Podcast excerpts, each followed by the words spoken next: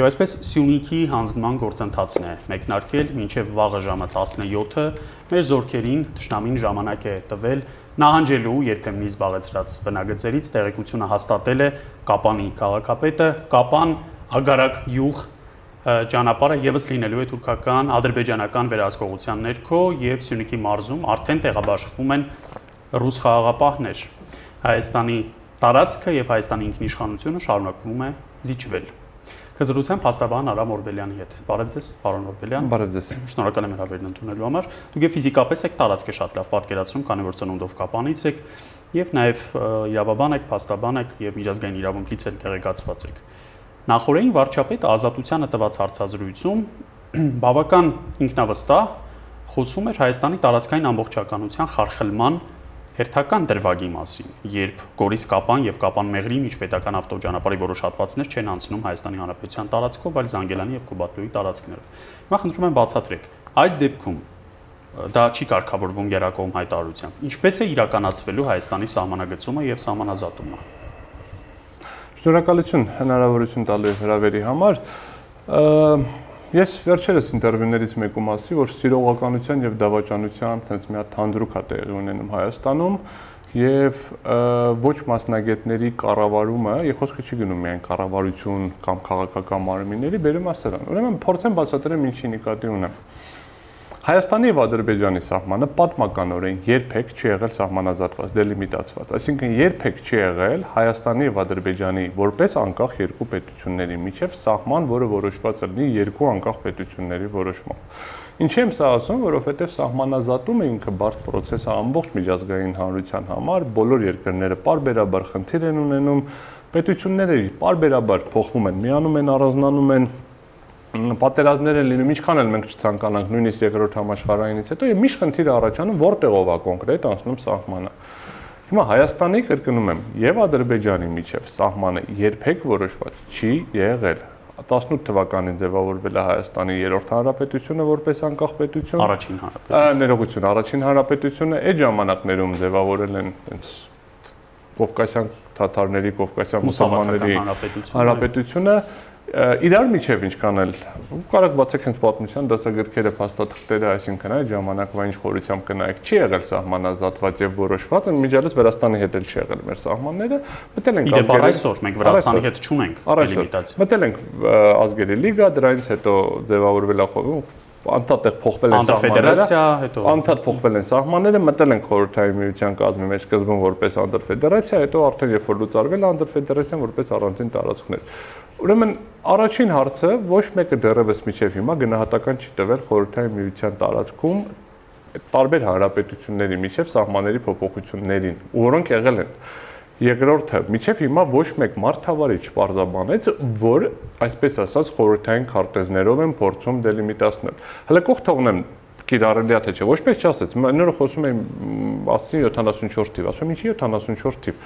դու ամենատրամաբանականը կամ պետք է 91 թվի քարտեզ լինի, իսկ միջև 90-ական թվ, միջև 90 թիվ 80-ականների վերջ քարտեզներում փոփոխություններ են եղել։ Կամ ինչ ավելի տրամաբանական է, պետք է լինի 20 թվականի քարտեզներով։ Իրականում Հայաստանի եւ Ադրբեջանի միջև հարաբերությունների շրջանակներում պետք է սահմանների խնդիրը նույնպես որպես վիճելի հարցը լինի, խոսքը չի գնում Ղարաբաղյան կարգավորման, խոսքը գնում է հենց հայ-ադրբեջանական հարաբերությունների մասին եւ սահմանազատումը ինչ որ մի պահի տեղի ունենում է բոլոր պետությունների միջև, նաեւ այն պետությունների, որոնք իրար հետ այդքան լավ չեն, կա սահմաններ, որոնք բավականին պրոբլեմատիկ են ու բավականին երկար կարան լինեն, ամենապարզ օրինակը ռուս Ռուսաստանի եւ ԱՄՆ-ի միջև սահմաննածովով, որը Շվարնաձեի ժամանակվա համաձայնագիրն է միջև հիմա չի վավերացվել եւ խնդիրներ կան։ Խնդիրներ կան, ասենք նույն Ռուսաստանի, Ճապոնիայի միջև սահմանների հետ կապված մեծ երկրներն են ուզում ցույց տան, որ բարձր է։ Ռուսաստան, Չինաստանն էլ։ Եվ եւ միաժամանակ փոքր երկրների միջև էլ միշտ այդ խնդիրը կա։ Խնդիրը նրանում չի, որ այդ խնդիրը գոյություն ունի թե չէ։ Ուրեմն հետեւյալն է, կա Հայաստանի եւ Ադրբեջանի միջև կոնֆլիկտ։ Այն մարդիկ, ովքեր չեն տեսնում այդ կոնֆլիկտը, կույր են որտեվ կա այդ կոնֆլիկտը նենց չի որ մենք ինչ որ բան են գրավել կամ չեն գրավել այդ կոնֆլիկտը սկսել է 88 թվականին Սումգայիթի կոտորածներով ջարդերով Բաքվում Քեկիրովաբադում շարունակվել է 90-ականներին Գալցո օպերացիայով հետո անկախության պատերազմը, որից հետո ինչ որ ժամանակ տևել է այս process-ը։ Մենք բացառապես կենտրոնացել ենք մարդու իրավունքների, մարդու իրավունքների, մարդու իրավունքների վրա, այդ սխալ կենտրոնացումը միջազգային հարաբերությունները։ Մարդու իրավունքները կարևոր խնդիր են։ Վարչապետն էլ էր ասում մարդու իրավունքների շրջանակներում ոչ միջպետական հարաբերությունները բացառապես մարդու իրավունքներ չեն։ Դա ներպետական հարաբերություններում պետքա պետությունը կաշկանդված լինի մարդու իրավունքներով որպես անմիջական գործող իրավունք եւ որպես գերագույն արժեք։ Միջազգային հարաբերություններում դա ընդհանուր սկզբունքներից մեկն է։ Հիմա հետ գամ։ Ինչա տեղի ունեցել կոնֆլիկտ եւ ռազմական ընթարում պատերազմ, ասեն ժողովրդական լեզվով ասած, որը ինչ որ մի պահի հրադադար են կնքել, չենք ավարտել, դեռևս խաղաղության համաձայնություն չկա, չենք ավարտել։ Իսկ կարգավորման համաձայնություն Այո, ոչ մի համաձայնություն չկա։ Դա Մինսկի կոնֆերանս պետքա լինի, Մինսկի կոնֆերանսից առաջ Մինսկի խումբը ինչ որ բան պետքա մշակի, չկա այդ փաստաթուղթը, որը պետքա լինի 300 էջանոց, 100 էջանոց, 50 էջանոց, չկա գործունեություն, սահմաններ, ոչ մի հարց հստակեցված։ Կամ եթե եթե ոչ բոլոր հարցերը, ապա այդ հարցերի մի մասը, մի մասն էլ սկզբունքները ինչի հիման վրա պետքա կարգավորի, գոյություն չունի։ Դա նշանակում է, որ պատերազմը շարունակվում է։ Ռազմական դրությունն էլ չեն հանել։ Պատերազմը կրկնում եմ ժողովրդական իմաստով, որտեղ պատերազմը այդպես էլ չի հայտարարվել։ Ռազմական ընթարումը շարունակվում է։ Դա նշանակում է մի པարզ բան։ Ինչ փաստաթղթով պետք է առաջնորդվենք, պետք է առաջնորդվենք հրադադարի համաձայնությամբ։ Հրադադարի համաձայնությունը ասում է շատ པարզ սկզբունք։ Գրված է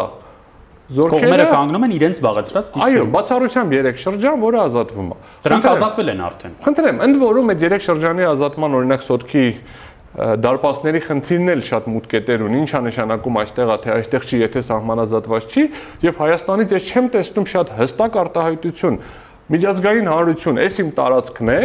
Բայց ես հիմա ստիպված ձորքերս հանում եմ, որպեսզի իսկալացիա չլինի եւ մենք հակված ենք խաղաղ կերպով այս խնդիրը լուծելուն եւ այս խարցի լուծումը պահում եմ հետագա բանակցությունների փուլին, գտնում եմ, որ սա իմ տարածքն է, չէ։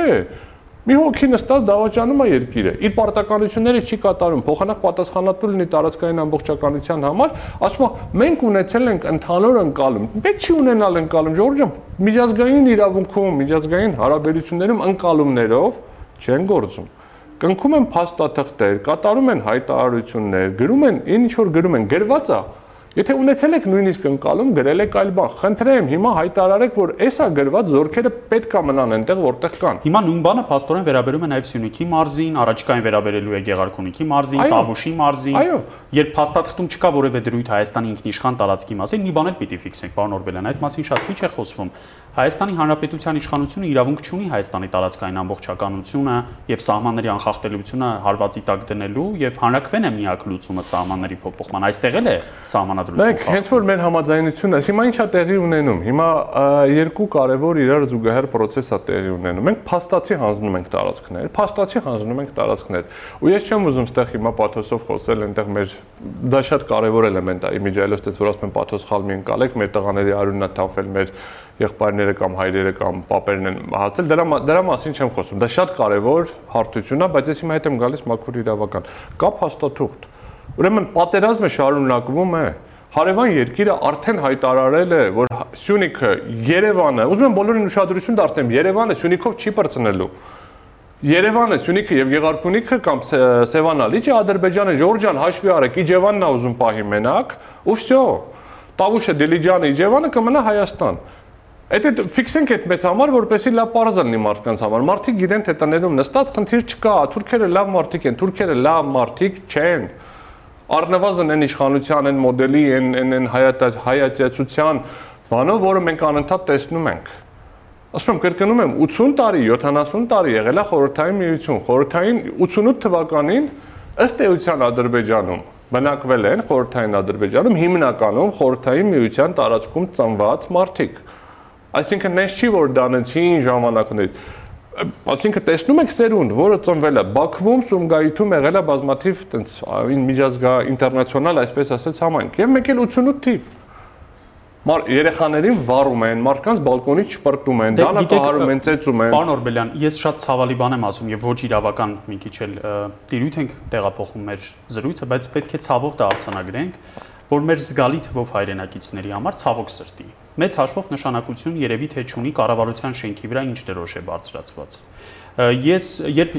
պատմական էքսկուրս եք տանում, Ես օրինակ Երևան Տոտյանի վեպերն եմ հիշում, թե նա ինչպես է նկարագրում, թե հայերը ինչպես են ընդունում արդեն ցեղասպանությունը իրագործած թուրքերին համարում են, որ կարելի է շարունակել ապրել Օսմանյան կայսրությունում կամ Քեմալական Թուրքիայում։ Մենք մենք ըստ ամենայնի ենթադրում ենք, որ թուրքական վիլայեթի կամ ռուսական գուբերնիայի կարգավիճակում արդեն անկախությունից վերջնականապես զրկված մենք կարող ենք նորմալ ապրել։ Այդ խնդիրը հետեւյալն է, իրականում եթե մենակ դրոշի գույների խնդիրը լիներ, այսինքն տեստեղ տեսականորեն ինչպես է կոչվում։ Դե սիմվոլն եմ ասում, բարձր։ Հա, չէ, ես բանն եմ ուզում ասեմ, էլի, այսինքն հպատակության միջազգային խնդիրը լիներ մենակ, նո քննարկելու հարցեր դա։ Խնդիրը ֆիզիկական անվտանգության հարցն է եւ մարդկանց ֆիզիկապես եւ ամբողջ հանրույթի ազգի, հա, գենոցիդալ վերացնելու ռիսկ կա։ Այսինքն կարա ֆիզիկապես մնա արամ արամ, բայց անունը փոխվի ինչ որ ուրիշ բան, կրոնը փոխվի, այս փոխվի, այսինքն կամ արամը պետքա ֆիզիկապես ոչնչացվի։ Սա մենք տեսել ենք եւ մի անգամ չենք տեսել եւ հիմա խնդիրը շատ հստակ դրված է։ Կրկնում եմ, Ադրբեջանի նախագահը, Թուրքիայի նախագահը Բաքվում բանի ժամանակ, շքերթի ժամանակ հստակ արտահայտել են դիրքորոշում։ Մենք չենք պատասխանել իդեպ։ Մենք չենք պատասխանել, խոսնակը պատասխանել։ Այսինքն խոսնակի պատասխանը կլիներ նորմալ, եթե դա լիներ նորմալ պատասխան, կարանք ասենք պաշտոնական պատասխանա չէ, բայց խոսնակի պատասխանն էլ նորմալ չէր։ Կրկնում եմ, գործողություն չի հետևել։ Հետ գամ մի հատ իրավական հարցին, հետո հետ գամ։ Ուրեմն նայեք, միջազգային իրավունքում, միջազգային հարաբերություններում մարդու իրավունքների հարգման սկզբունքը պայմանական sense, եթե մենք ընդունենք, որ միջազգային իրավունքում պայմանական 7 հատ հիմնական սկզբունք կա, դրանցից մեկն է, ու առաջինը չի, երկրորդը չի, այսինքն 7 հատ հավասարներից մեկն է։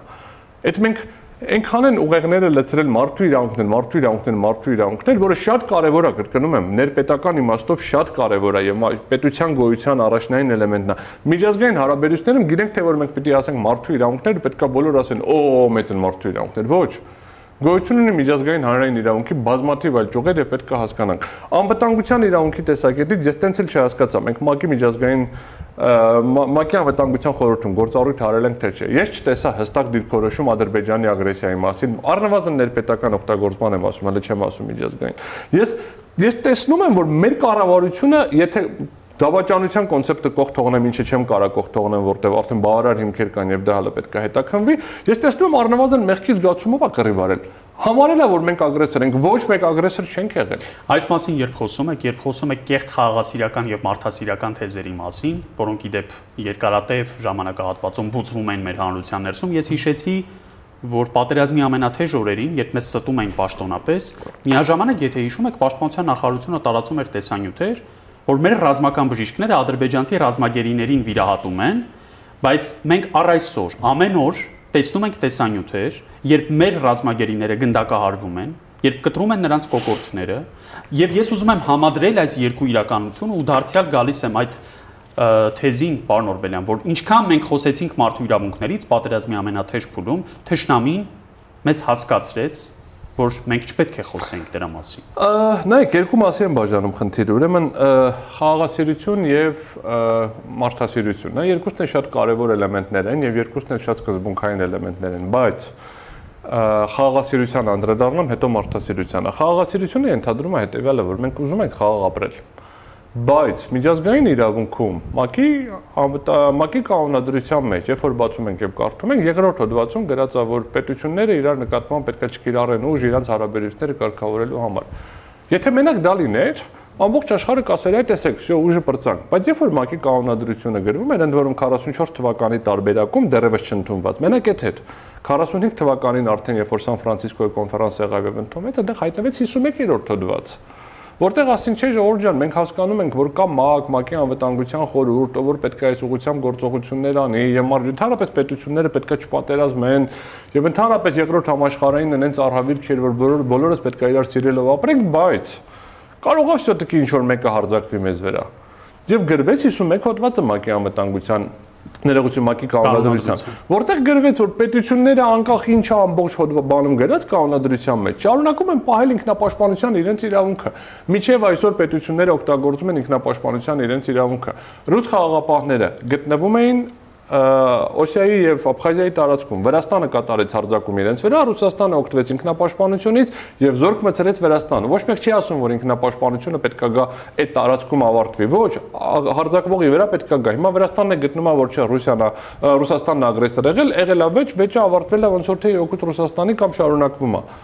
մենք տեսնում ենք Ամերիկայի վրա տեղի ունեցավ հարձակում 2001 թվականի սեպտեմբերի 9-ին, Ամերիկան ասաց, սա ես համարում եմ ինձ վերածինված հարձակում, ինքնաթիռը լավ էլ զենք է եւ սեպտեմբեր 11-ին։ Ա սեպտեմբերի 11-ին 9 ասեցի, իսկ կներեք 9-11, հա, այո։ Եվ ասեցի Աֆղանստան պետք է արագ գտնես այդ մարդկանց պատասխանատվության ենթարկես, հակառակ դեպքում ես իմ ինքնապաշտպանությունն եմ իրականացնում եւ իրականացրել։ Երկու տարի անց էլ Իրաք մտան լրիվ նույն պատճառաբանությամբ։ Իրաքը մի քիչ քիմիական զենքեր, բայց Իրաքը մի քիչ այլ ֆորմալ պատճառաբանություն է եղել է ՄԱԿ-ի անվտանգության խորհրդի 91-92 թվականի որոշումները, որոնք այսպես ասած միջև վերջ ի կատար չէին ազվել։ Կա որոշակի քննադատություն, կա որոշակի բացառություններ, կրկնում եմ, խաղաղասիրությունը պետք չի շփոթել թուլամորթության հետ խաղաղասիրությունը ենթադրում է նաև ստիպել խաղաղություն։ Դա չի նշանակում, որ պետք է ասենք զգետնելու ենք, հաղթում ենք, զգետնելու ենք, ռեալ պետք է գնահատել կարողությունները, բայց դա նշանակում է, որ մենք պետք է վախեցած չլինենք Հայաստանի Հանրապետությունը պարտավոր է պատերազմին մասնակցել։ Հիմա մենք կորցնում ենք Հայաստանի Հանրապետությունը։ Մարդկանց մոտ ընկալում կա, որ մենք հա դե Ղարաբաղն է, Ղարաբաղը չի, Հայաստանի Հանրապետությունն է։ Արցախը արդեն կորսված է, իդեպ ես պիտի ասեմ ժամեր առաջ ստացած հերթական ուրը, որին պաշտոնապես անդրադարձ չկա Հայաստանից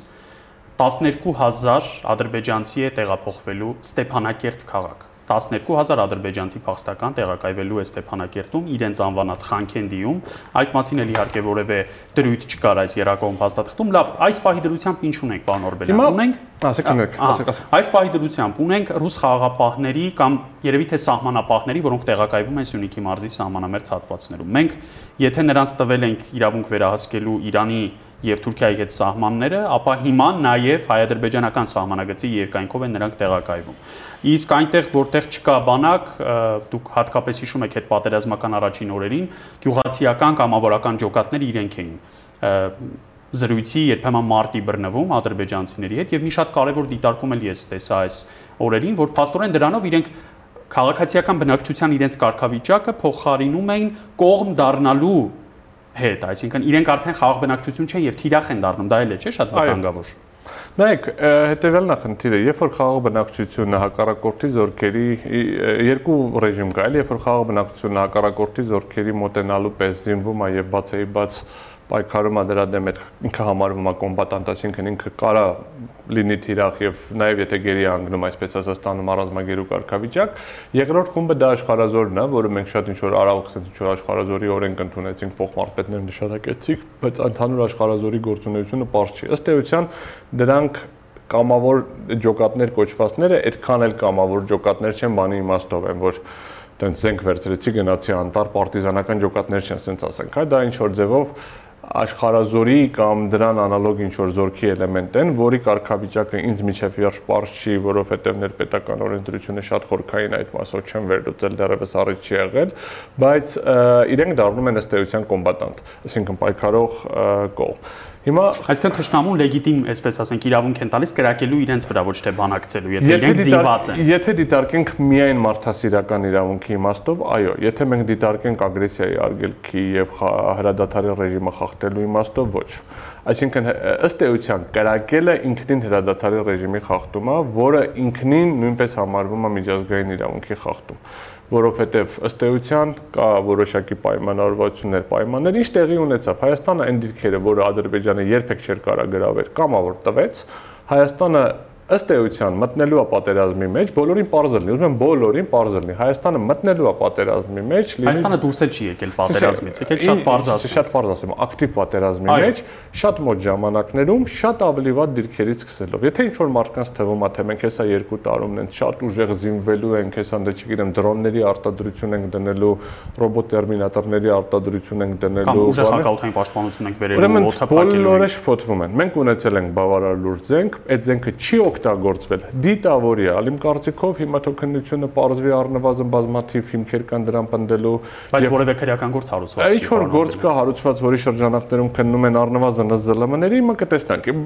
Կրկնում եմ, ոչ մի հերքում դրան չի եղել, այսինքն երևում է որ Հայաստանը դիտավորել չի կռվել։ օգնել է զորքա ուղարկել պաշտպանության բանակից։ Ամենավերջին ամենաաբսուրդը որ պաշտպանության նախարարությունը սպասում է պաշտպանության բանակի պարզաբաններ։ Օպերատիվ կապ չկա մեր երկու պաշտպանական կառույցների։ Կապի խնդիրը չի, դա մի կառույց է։ Խորհում շատ բարձր լինի։ Այն բանը Սամվելը բանը ստորաբաժանում է, այսպես ասենք։ Սամվելը գրել էր ասել էր, դա շիզոֆրենիայի օրինակն է, էլի, որ դու քեզ ինքդ քեզնից բարձաբանում ես սպասում, տես Twitter-ում էր գրել։ Այո, դա շիզոֆրենիայի օրինակ է, ուրիշ ոչ մի բան։ Երբ որ դու դիմում ես ինքդ քեզ որպեսի բարձաբանում ստանաս, չի ասում ինֆորմացիա ենք սպասում, ճշտում ենք, նույնն է որ ասենք տավուշում տման դեպքերներ, ասել մենք սպասում ենք կամ որևէ տեղ լներ, ասել սպասում ենք այսինչ երրորդ կորպուսի պարզաբանմանը։ Պարզաբանմանը ուզում եմ ուշադրություն հրավիրեմ։ Ասենք Մարսպետը ասել, որ հիմա սպասում են բանակային կորպուսի հրամանատարի պարզաբանման։ Եթե ասել սպասում եմ ինֆորմացիայի ճշտում ենք, հարցում ենք արել, դեռևս վերջնական չի կհասկանայի, մենք ինքներս, բայց այսինքն մեկը ասել է մյուսից սպասում ենք, հա։ Ինչևից է հետ գալով։ Նայեք, խնդիրը հետեւյալի մեջ է, այս պահին մենք ինչ ենք անում։ Մենք այս պահին պարտված վիճակով սահմաններ են գծում։ Ուզում եմ բոլորի համար ուշադրություն հրավիրեմ, բոլորի ուշադրություն հրավիրեմ։ Սահմանների համաձայնագրերը ամենադժվարն են հետո փոփոխվում, եթե չասեմ անհնար է փոփոխել։ Եվ միջազգային պայմանագրերի իրավունքի մասին Վենայի կոնվենցիայում եւ պայմանագրերի հարցով պետությունների իրավահաջորդության կոնվենցիայում եւ մի շարք այլ փաստաթղթերում մոտեցում կա որ սահմանների հարցը չպետք է անընդհատ քննարկման առարկա դառնա եւ անընդհատ չի կարա ինքը բարձրացվի եւ հետեւաբար sense մոտեցում կա եթե գծել եք վсё հիմա Եթե նույնիսկ դա փաստացի սահման է, ամրագրված չէ, ուրեմն ելնենք այդ կանխավարկածից, որ ամրագրում ենք փաստացի սահման։ Դե հիմա մենք հիմա ըստ էության ինչ ենք անում, մեր պետական իշխանությունը հրաապարակային հայտարարում է, որ նա Ադրբեջանն է հայտարարում է որ նա Ադրբեջանա չի ասում Ժորժ ջան կներեք էլի դա Հայաստանը բայց ես չեմ կարում պահեմ կներեք ժողովուրդ ջան, ուզում եք էլի պատերը։ Ասենք սոտքի հանքը Ադրբեջանը։ Մենք ընդունում ենք, որ սոտքի հանքի 70% առնվազն այս բան փաստացի Ադրբեջան։ Առնվազն ես տեսնում եմ հայտարարություններ, որոնք այդ ուղությամբ են հաստատում։ Կարող է տենց սև սպիտակ չի ասում սա Ադրբեջանա, բայց մոտարապես ասում է բոլորը թե գիտեք որ դա Ադրբեջան։ Ես չգիտեի։ Ես գիտեի, որ սոտքի հանքը Հայաստան է։ Ինչի, որովհետև սկսած խորթային տարիներից սոտքի հանքի ոսկու պաշարները հաշվառված ա եղել ՀՍՍՀ բալանսում հաշվառված չի եղել ԱՍՍՀ բալանսում կրկնում եմ 89-90 թվականներին Սյունիքում Կապանում տեղի է ունեցել սահմանների վերանայում մոտ մի քանի հազար հեկտար Հայաստանի ՀՍՀ տարածքները մեծացել են չեմ ասում որ դա է ճիշտ է ասում եմ ընդամենը փաստ Դա նշանակում է հետեւյալը, մենք զորքերը հետ տանք, քաղաքները տանք իրանց, մարդիկ գան ապրեն, հետո սկսենք Արևմտյան Հայաստանի բազարը տանել, այ ժողովրդական լեզվով ասել։ Ասենք Արևմտյան Հայաստանը Հայաստանը։ Ժորժան, Արևմտյան Հայաստանում եթե չլինեն բնակվող հայեր, ընդ որում իրանք չլինեն մեծամասնություն, այդ քննարկումը դա Հայաստանա թե չէ, առարկայա զուր կա։ Ման քննարկումը Արցախին է վերաբերում։ Արցախին է, Արցախի նախագահի լայվը նախորդին հավանաբար տեսել եք, հետո ուղերձը, ընդ որում փոփոխված տեքստով կարդացել եք։ Հիմա քանի որ պատասխանատուների ակտիվ փնտրտուք է գնում, իսկ Նիկոլ Փաշինյանը իրեն համարում է իրավիճակի թիվ 1 պատասխանատուն, բայց ոչ երբեք թիվ 1 մեղավորը, Հարայք Հարությունյանը երեք արդեն փորձեց մեղքի էական մաս բարթել Երևանի վրա, ասելով, որ պաշտպանության բանակը ուղակի ղեկավարվել է ոչ իր կողմից Պատասխանատուներ փնտրելու խնդիր չկա։ Ուրեմն կա շատ པարս սկզբունքներ, այդ པարս սկզբունքները հետեւյալն են. Պարտություն տարվող կողմը հեռանում է, չի սпасում ժողովրդի պահանջին ինչ-ի միջայլոց կա։ Հեռանում է։ Ինչի, որովհետև շատ པարս բան, ասում է ես պարտվել եմ, Ես չեմ կարա շարունակեմ։ Ժողովրդի քվեն իպահ է տրված իրեն, վարչապետի հաստատ կդա։ Իպահ ոչ մեկին ոչ մի բան տրված չի, էլի սենց ասենք։ 17 թվականի ժողովրդի քվեն էլ տվել էր հանրապետականներին եւ վարչապետը դա ընդունել է հրաապարակային, որ քվեարկության կեղծիք չի եղել։ 18 թվականին էլ քվեարկության կեղծիք չի եղել, ընտրությունները կեղծված են։ Ես արձանագրում եմ պատրաստ եմ բոլորին ապացուցել։ Ինչով եմ ասում կեղծված են։ Նիկոլ Փաշինյանի արգումենտը 17 թվականի ընտրությունների մասին հետեւյալն էր։ Քվեարկությունը մաքուր է եղել, բայց ժողովրդի ձայնը առել են միջև քվեարկությունը։ Այո, տեղամասերում չի եղել խախտում։ Ահա, ընտրությունը քվեարկությունը մաքուր է եղել, առել են միջև է Ջորջ ջան 18 թվականի քվեարկությունը մաքուր է եղել, բայց ձայնը առել են խափելով, վախեցնելով եւ ապորինի նախընտրական քարոշչություն իրականացնելով միջև քվեարկության process-ը ուղղակիորեն ընտրական օրենսգիրքը միջազգային ընտրական ստանդարտները արգելում են այսպես կոչված hate speech-ի ատելության խոսքի վրա քարոզարշավ անել ամբողջ քարոզարշավը եղել է ատելության խոսքի վրա բայց չեմ ուզում տեղանդրադառնամ նորից չեմ ուզում քննարկեմ հիմա ժողովրդի քվեն ինչ որ մեկին տրված է թե ժողովրդի քվեն ինչ որ մեկին տրված չի ուրեմն շատ པարզ մի քանի հանգամանք կա նիկոլ Փաշինյանը պետք է հեռանա որովհետև ինքը պարտվող կողմն է, որպեսի ով էլ գա, հիմա կարա հեռանալուց ասի գիտեք ինչ, ես Վազգեն Մանուկյանին չեմ վստահում, բերեք մի հատ ուրիշ բիզնես։ Այդ Մանուկյանը թող գա։ ասի չեմ վստահում, չեմ չեմ անդրադառնում այդ բանին, հա, որոշի ում ենք ով է գալու, քննարկենք, եթե ինքը այս պահին կարող կոնսուլտացիաների մեջ լիներ իր հեռանալու պայմանների, ով գալու, ինչ գալու եւ մնացած հարցերի շուրջ, նոր ընտրությունների ժամանակահատվածի շուրջ ասում եմ, չէ, ես մնալու եմ։ Ինքը մնալով ըստ էության վերացնում է Հայաստանի ապագան։ Երկրորդը շատ, շատ, շատ ծանրակշիռ մեղադրանքներ են իրեն առաջադրվել 5 միլիարդ կաշառքից միջև մի ընդ որում ոնց որ թե ինչքան գնում հաստատվում է։ Չի հերքվել։ Ինքը ընդամենը ասում է, դե եթե ինքն է, լայվի ժամանակ ասած Վանեցյանը մեղսակից է եւ ինքն էլ է դավաճան, եթե ինքը դա չի հերքել։ Թող երկուսին բռնեն թող երկուսին բռնեն, ես կարող ասում եմ Վանեցյանին չբռնեն իրան բռնեն, եթե երկուսը մեղսակից են, երկուսին բռնեն, երրորդը կա երրորդին։ Դրա համար անհրաժեշտ է։ Այսինքն թեզը չի հերկվել, ֆիքսում ենք դա, որ այդ թեզը չի հերկվել։ Այո, անհրաժեշտ է, որպեսի կառավարությունը հեռանա, որպեսի մարդավարի քննությունը լինի, որ երբ որ ասում եմ մարդավարի քննություն, խոսքը չի գնում 18 թվից 20 թվականի քննությունների մասին, որ արդեն մեղավորին նշանակենք Նիկոլ Փաշինյան քննություն։ Դեպքի փաստի արդիվ պետք է իրականացվի քննություն։ Ցավոք սրտի քնչական եւ դատախազական մարմինները ունակ չեն, հատուկ քնչական ծառայությունը ունակ չի։ Ոչ թե ունակ չի, որտեվ ինքը կաշկանդված է, ինչա դրան էլ կանդրադառնեմ, ուղղակի իրանք ինտելեկտուալ եւ ֆիզիկական առումով ունակ չեն։ Ես տեսել եմ այն փաստաթղթերը, որոնք կազմել են վերջին 2 տարում, նման բարդության գործ իրենք ունակ չեն։ Բայց դուք տեսնում եք, որ վերջին մի քանի շաբաթում եւ քնչական, եւ դատախազական, եւ ոստիկանական համակարգից տասնյակ սպաներ ազատման դիմումներ են գնում եւ այդ տեքստերը բավական ազդեցիկ են գլխավոր դատախազությունից, ավակ մի քանի դատախազ վարչության պետ ոստիկանությունից, գնդապետներ, քնչական կոմիտեից մի քանիսը, այսինքն այդ գործընթացը կա իրենք տեսնում են, որ իրավական առումով նաև երկիրը քաոսի եզրին է կանգնած, եթե արդեն քաոսում չի։ Դրանցում դուք պետք է ընդունեք, չէ՞, որ ոստիկաններն են քաղաքացի, դատախազներն են քաղաքացի։ Իրանց իրանց սիրտն էլա ցավում հայրենիքի համար իրանք էլ են տեսնում ինչա կատարվում։ Իրանք հասկանում են, որ մնալով այդ պաշտոնին, ինչքան էլ ուզում է կողքից պատմություններ պատմեն, տուն է պահում, ես գործ չունեի քաղաքական։ Ես գործ չունեի քաղաք։ Այդ էթիր է հերթին քաղաքական կրիմինալ։ Այս դա արդարացում չի, չէ՞։ Դա պետք է ֆիքսել, որ հրամանը կատարումը չի ազատում պատասխանը։ Ակնհայտ ապօրինի հրամանի կատարումը չի ազատում, բայց դրա մասին չի նույնիսկ խոսքը։ Էլի մարդը հասկանում է, երբ որ ինքը մնաց այս համակարգի մեջ, ու ինքը ասեց, ես տուն էի պահում Ես դե իմ գործն եմ անում, ես իմ դատախազական գործն եմ անում, ես ինչ կարող եմ փոխել, ասեմ։ Ես ինչ գործ ունեմ դեր քաղաքական կռիվներից, հիմա սա կլինի, թե նա կլինի, չէ, Ժորժ ջան, այս համակարգի մաս կազմող ցանկացած մարդ ունի իր մեղքի բաժինը։ Կապ չունի ամենատեխնիկականից ամենաբան։ Ուրեմն հիմա parza որ ես չեմ գալու ասեմ, որ դպրոցի պահակի օկնականը պետք է հիմա հրաժարականի դիմում տա, որտեղ այդ հրաժարականի դիմում ազդեցություն չի ունենում ընդհանրապես, բայց իրավապահ մարմիններ, նախարար, փոխնախարար եւ այդ մակարդակի պաշտոնատար անձինք, այսինքն քաղաքական պաշտոն զբաղեցնող անձինք եւ իրավապահ համակարգը ում ակնհայտորեն ապօրինի հրամաններ են իջեցվում, որովհետեւ կրկնեմ, նորից մենք տեսնում ենք այդ հրամանները, այսինքն ցանկացած իրեն հարգող դատախազ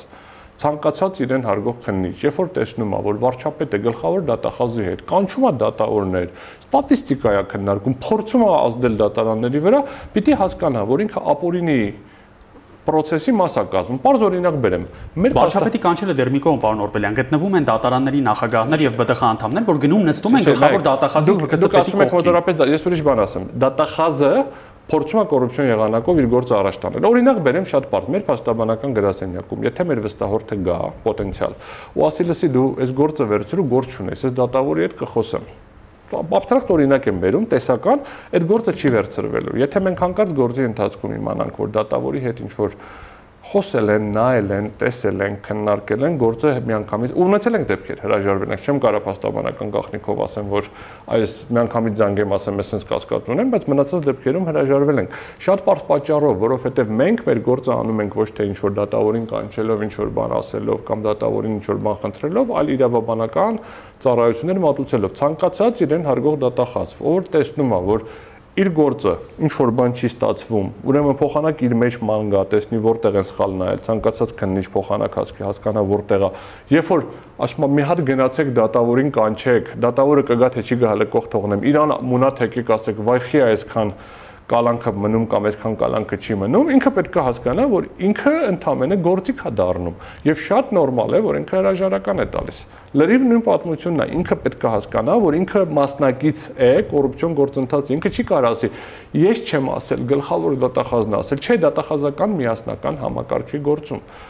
այն դատախազները, ովքեր ինչ որ գործերով վարույթներում մասնակցում են եւ ակնհայտ է որ այդ գործերով միջնորդ միջամտություններ ա եղել, սկսած նրանից, որ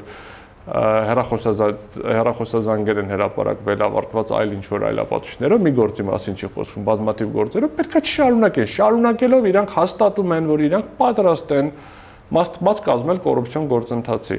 եւ այս սա շատ կարեւոր է կրկնեմ հիմա պետքա լինի անաչար քննություն, անաչար քննություն գործող իրավապահ համակարգը ունակ չի իրականացնել ոչ թե նրա համար, որ բոլորն են վատ,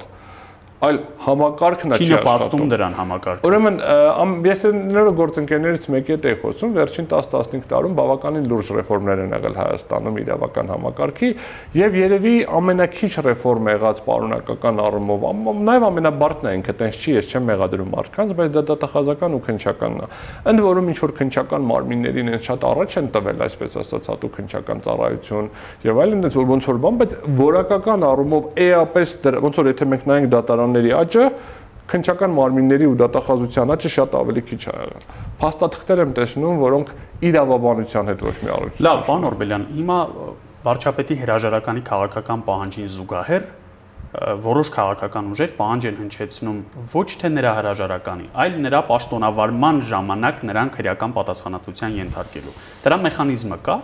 գլխավոր դատախազից է կախված այդ որոշումը։ Չէ, բանից ցենց ասեմ, դա քաղաքական պահանջ չի։ Ես անձամբ հաղորդում եմ ներկայացրել գլխավոր դատախազություն Նիկոլ Փաշինյանի կողմից կատարված հանցագործությունների մի մասի մասով եւ մի երկու հատ էլ հիմա պատրաստվում համեշակում ենք։ Ուրեմն Նիկոլ Փաշինյանի արարքներում իմ գնահատմամբ արկա են հանցագործություններ։ Խոսքը չի գնում միայն այս ամսի 9-ի փաստաթուղթ։ Դες մեծ էլի մի հատ այնց մանիպուլյացիա կա։ Ամսի 9-ի թուղթը ստորագրել է մեղավորը, չստորագրել 9-ի 10-ի չստորագրել։ Խնդիրը դրա մասին չի, խնդիրը նրա մասին է, որ երկիրը հասցրել են կեսկետին կողք թողնեմ, որ իր պնդումներում արդեն արկա է ինքնախոստովանություն, ասում դե ամսի 27-ին եթե գնայի ստորագրեի, ինձ ասելու եք դավաճան։ Ինչ հասկացանք, այսինքն եթե դավաճան չենք ասում 5000, 7000, 6000, 4000, չգիտեմ, երիտասարդ պիտի զոհվեր, ինչ հաթե քեզ դավաճան չասենք։ Պարզ բան, հիմա էլ ենք ասում դավաճան, բայց ինչ տարբերություն։ Շատ պարզ բան եմ ասում։ Ուրեմն խնդիրը հետեւյալի մեջ է Կա քրեական պատասխանատվության հիմքեր եւ ուզում եմ ուշադրություն հրավիրեմ, վարչապետը որևէ անձեռնմխելիությամբ ուշտ օշտված չի։ Ինչպես ասենք падգամավորը ինչպես նախ падգամավորը եւ նախագահը падգամավորը դատավորը իհա այդ վարչապետը կառավարության անդամը չունի անձեռնամխելիություն այսինքն չկա որ ինքը վարչապետա չեն թույլտվություն պետք չի նրան ասել ձերբակալելու համար նայեք խնդիրը ինչի ձերբակալենք չձերբակալենք հա առնվազն այսինքն ես օրինակ հակված չեմ այդ որ բոլորին բռնենք նստենք կալանավորենք ձերբակալենք կալանավորենք ձերբակալենք եւ մենք վերջերս տեսանք այդ երիտասարդը որ չուն մեքենայում սպառնալիքներ էր հնչեցնում, ձերբակալել էին նրա ձերբակալություններն էր ապորինի ճանաչվել, հետո ինչ որ ասի, վայ խի ապորինի, ձերբակալման եւ կալանավորման մասին չի խոսքը միջդատական վարույթում ձերբակալումներն ու կալանավորումները չպետք է ասենց ամեն օր, այսինքն դա պատիժ չպետք է դիտել։ Քրեական գործի եւ մեղադրանքի առաջադրման եւ մեղադրանքի առաջադրման կարգավիճակի եւ գործի անաչառ քննության։ Բարձ օրինակներ պիտի զբաղվի բացառապես հատուկ քնչական ծառայությունը, բայց մենք տեսնում ենք հատուկ քնչական ծառայության գործելակերպը այսօր։ Այո, որի շրջանակներում ես ուզում եմ օրինակներ բերեմ, էլի որ բարձ լինի Իտալիայում